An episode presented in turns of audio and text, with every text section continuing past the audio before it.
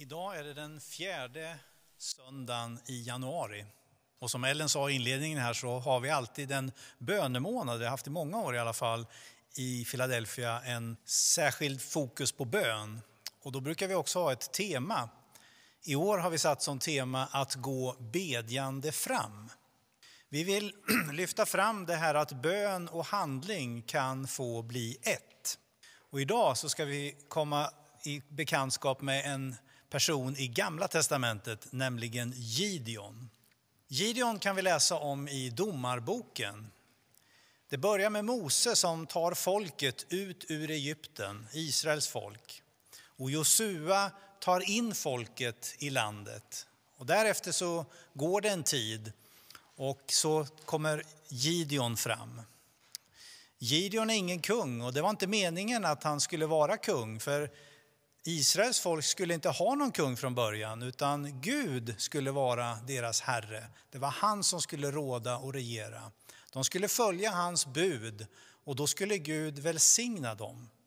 Och folket runt omkring skulle se och undra, vilken Gud har ni som gör att det går så bra för er? Men när vi kommer in i Domarboken och det sjätte kapitlet och det har gått en tid i det nya landet så står det att de gjorde det som var ont i Herrens ögon. Och det gör att Herren släpper sitt beskydd över folket. Han tillåter att ett annat folkslag, midjaniterna, får komma in i landet och ockupera landet. Och de går på ganska hårt och pressar israeliterna ganska hårt där. De belägrar landet, de överfaller och de fördärvar all gröda som finns. Så det är inte en bra situation. Dessutom tvingas israeliterna då när midjaniterna kommer dit att fly. De flyr upp i bergen och gömmer sig i hålor, i grottor. Och den här situationen tycker Israels folk är oerhört besvärande. Och de undrar varför Gud har tillåtit det här och de ber till honom och de ber om en förändring. Vi vill inte ha det på det här sättet längre. Och Gud kommer med ett svar. Det börjar med att Gud sänder en profet som förklarar för folket varför det ser ut som det gör. Och därefter sänder Gud en ängel som verkar vara väldigt människolik han träffar Gideon, han söker upp Gideon och så säger han att du är en tapper stridsman. Gud har utvalt dig till att befria Israels folk från midjaniterna. Och Gideon förstår inte, vad säger ska jag? Jag kan väl inte? Och så berättar han att han tillhör en väldigt eh, oansenlig släkt och att han är yngst där också. Har du verkligen tagit rätt? Menar du att jag ska befria Israels folk. Jag är väl inget märkvärdig. Men det som, som ängeln ger som svar, det är det här. Jag är med dig, säger Herren. Ja, Gideon tvekar och ber att han ska visa på något sätt att det stämmer det han säger. Och då säger ängeln till honom att han ska hämta kött, ett offerkött. Och det gör Gideon. Och så lägger han det på en klippa som han blir tillsagd att göra. Och då räcker ängeln ut sin stav på den där klippan. Du slår upp eld och förtär köttet. Och nu inser, nu förstår Gideon att nej, men det här är allvar, det här är på riktigt. Jag måste ta mig an det här uppdraget. Och det första han får göra det är att riva ner avgudarna, Baalsguden. Så han går hem till sin egen far där han har en Baalsaltare rest, river ner det om natten. På morgonen där så kommer de ledande männen i staden och upprörda över att någon har rivit ner Baalsguden. Vem har gjort det? Då kommer det fram att det är Gideon som har gjort det. Men då träder hans egen far in och tar honom i försvar och säger, ja men om någon har rivit ner Baalsguden och Baal är Gud, då kan han väl försvara sig själv. Det ska väl inte någon människa behöva göra. Och i det sammanhanget så får folket reda på att Gud har en plan nu. Han vill befria Israels folk från midjaniterna genom Gideon som rev ner den här Baals-stoden. Eh, Och det får Gideon då i uppdrag att göra.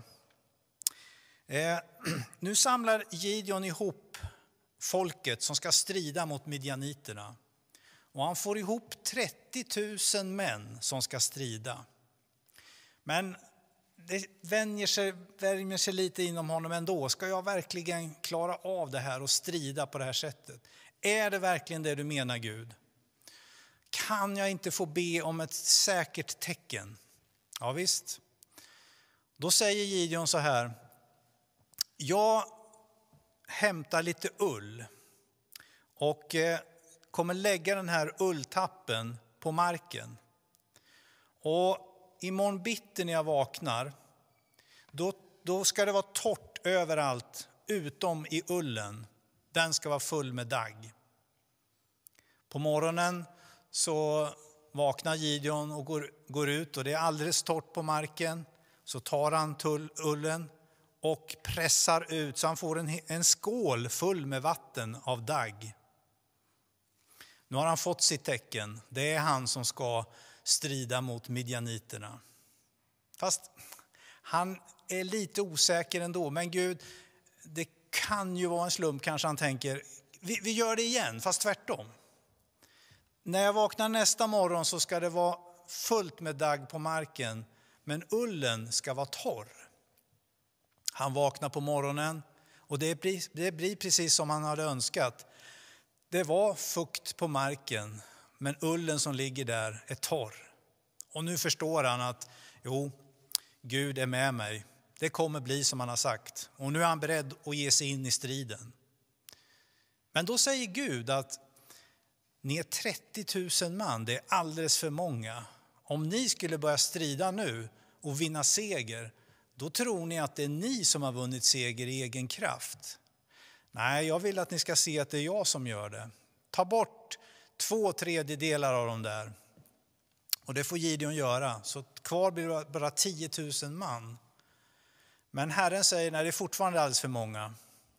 Du måste skära ner betydligt mycket mer. Titta på folket.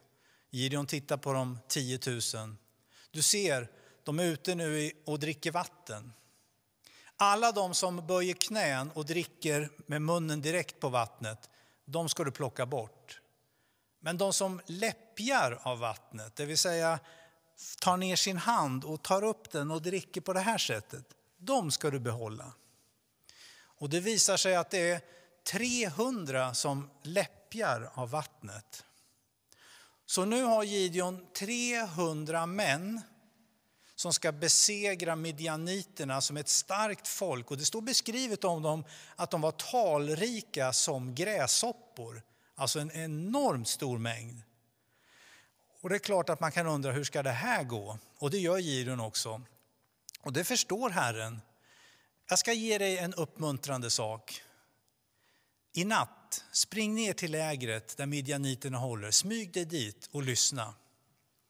Gideon vet inte vad som ska hända, men han gör som han har blivit tillsagd. Han smyger ner. Och när han kommer ner så hör han ett par som pratar. Och där är det en som säger till den andra, du, jag hade en märklig dröm i natt. Jag, jag drömde att det kom in en kornbröd som rullade in i tältlägret där midjaniterna var och vände upp och ner på tältet. Jaha, sa den andra. Det kan inte betyda någonting annat än att Gud har gett midjaniterna i Gideons hand. Det här får Gideon höra. Och han blir väldigt uppmuntrad och stärkt till att ja, det, det kommer nog fungera i alla fall. Det verkar så. Så han kommer tillbaka och samlar de här 300 männen som han har, delar in dem i tre grupper och nu ska de få sina vapen. Alla de här 300 får ett horn, eller en trumpet som de ska blåsa i. De får en lerkruka och de får en fackla. På natten så ställer de sig upp dem strategiskt runt hela midjaniternas läger så här. Och på en given signal så börjar alla blåsa i hornet samtidigt, krossa krukorna och vifta med facklan så här. Och det blir panik i lägret där midjoniterna sover. De vaknar upp, ser facklorna, tar sina spjut och börjar döda varandra där inne och flyr iväg. Och israeliterna följer efter. Och därefter så står det att de inte kom tillbaka någon mer gång, utan det var lugn och ro i Israels land i 40 år. Och därefter, eller under den tiden, så ville de göra Gideon till kung. Men Gideon säger, nej jag ska inte vara kung. Det är ju Herren som ska vara kung. Här har du berättelsen om Gideon.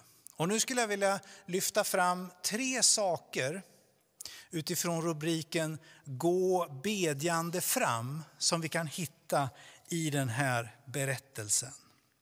Den första punkten det är den här.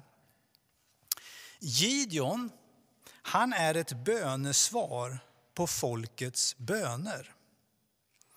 Folket de lider misär, de har det svårt, de har det jobbigt, de vill inte vara i den här situationen. Vad gör de? Jo, de ber och ropar till Gud. Hela den här berättelsen den handlar om Gideon, men den handlar egentligen om ett bönesvar. Att folket bad till Gud, kom och hjälp oss. Och här förstår vi vikten av bön. Kanske du känner att det är saker och ting som du längtar efter ska bli en förändring. Kanske är det saker och ting som människor i en församling längtar efter att få se en förändring i. Eller troende människor i en stad vill se en förändring, eller i ett land. Man kan komma samman och be till Gud om den förändringen. Det finns ett uttryck som jag har hört många bedjare använder. Och det är ett gammalt uttryck. Man säger så här, att känna nöd.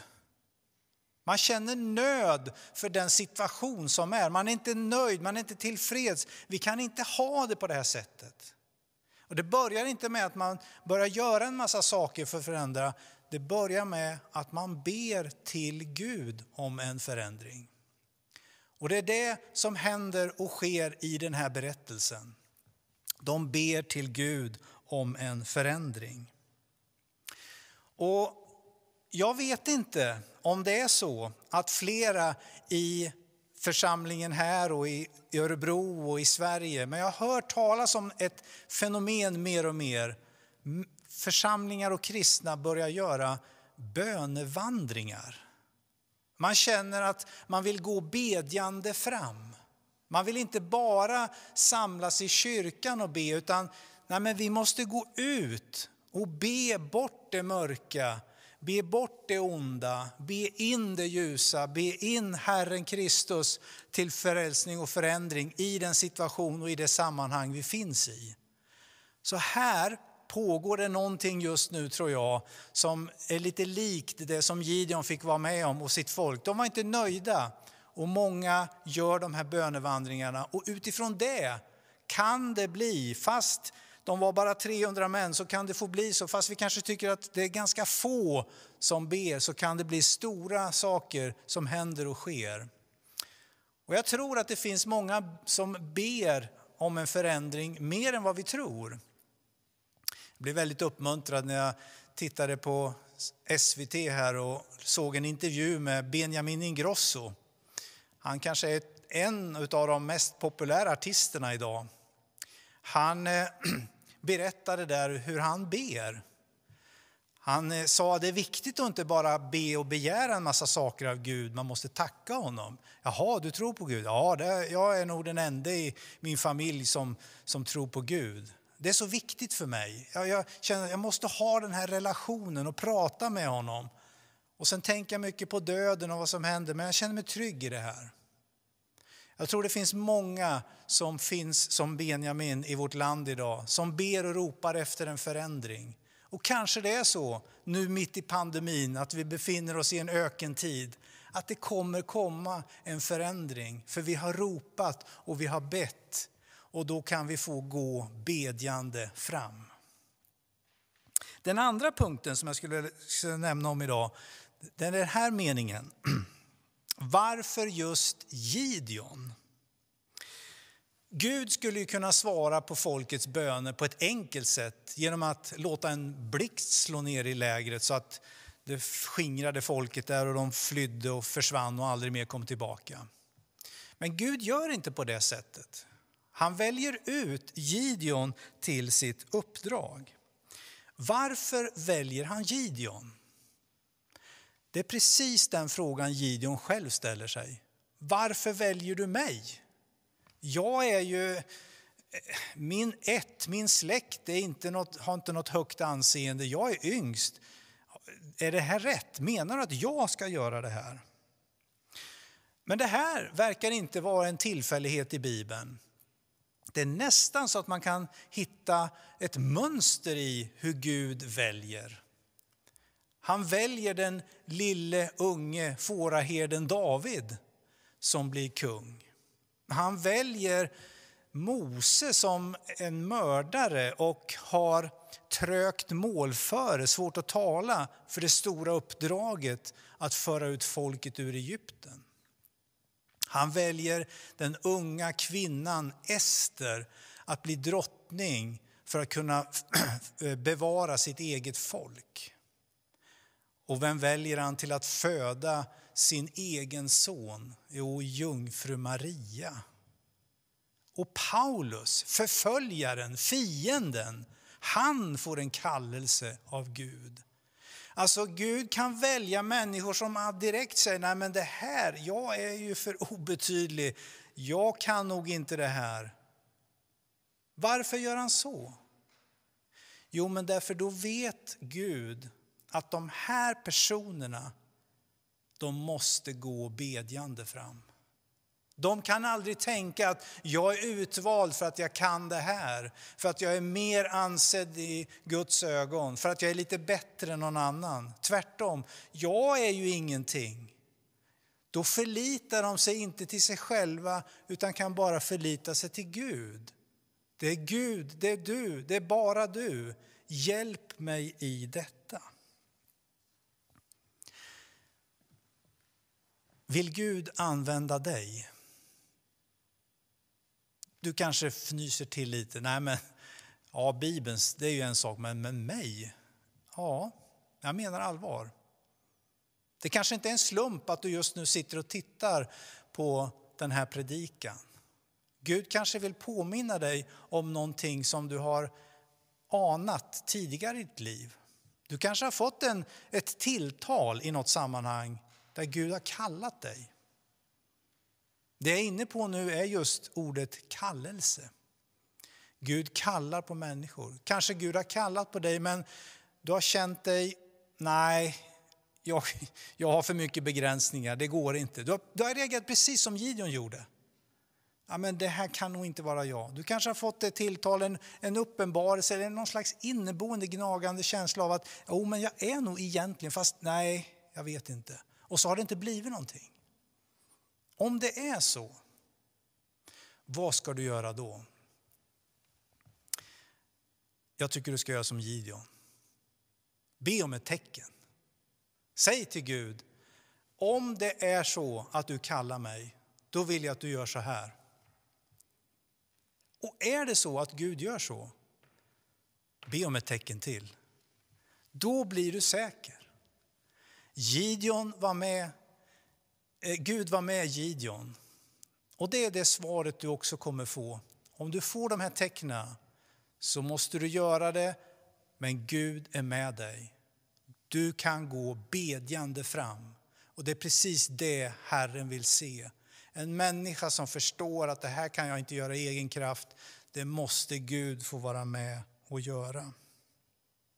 Och så den tredje och sista punkten som jag skulle vilja nämna om här idag. Då. Gideon fördriver midjaniterna, men Gud gör undret. Det är en fantastisk stor seger att det här folket som ockuperade Israels land som var talrika som gräshoppor, som var stora och mäktiga plötsligt tvingas fly. Varför då? Jo, därför att 300 män stod och blåste i horn och viftade med facklor. Vi förstår här att rent mänskligt så var det här ett omöjligt uppdrag. Man kan inte besegra rent mänskligt sett på det här sättet. Och det var ju det som var poängen. Hela den här berättelsen vill lyfta fram och visa på att i mänsklig kraft är det omöjligt. Men med Gud så är det möjligt. För Gud ville visa vem han var för folket. Han ville visa att han inte hade övergett dem. Han ville visa att han brydde sig om dem. Och han ville visa att det är jag och mig som ni ska följa och lyda. Då kommer det gå bra för er. Men trots detta så vill de ändå göra Gideon till kung. Och här har du en annan sak, och det är en stor frestelse. Att den som får vara med och uppleva seger för Herren kan lätt känna att högmodet börjar komma. Om man inte har gått bedjande fram, då kan den frestelsen bli väldigt stor. Och om människor runt omkring upphöjer och lyfter och tycker du har gjort något fantastiskt, så är det oerhört svårt att stå emot och säga som Gideon säger, nej men jag vill inte vara kung, Herren ska vara kung. Därför det är alltid nyckeln till allting. När vi får göra någonting för Gud så är det inte för att vi ska bli upphöjda utan för att han ska bli upphöjd. Men den som går bedjande fram, den som förstår att det här är bara Gud, han ger också Gud äran. Och det är det som är det avgörande. Vem får äran? Vem hyllar människorna? Vem tillber dem? Det är det som är det avgörande. Och det här är viktigt. Du kan få gå bedjande fram. Du kan få vara med och se stora segrar. Och du kan få vara med och glädjas över det Herren gör. Du kan få vara med och känna tacksamhet över att du får vara med. Men aldrig får du ta åt dig äran. Aldrig får du stå där i solens glans och tycka att du är duktig för att på så vis skymma det Gud har gjort och vill göra. Därför är det så viktigt att du får gå bedjande fram.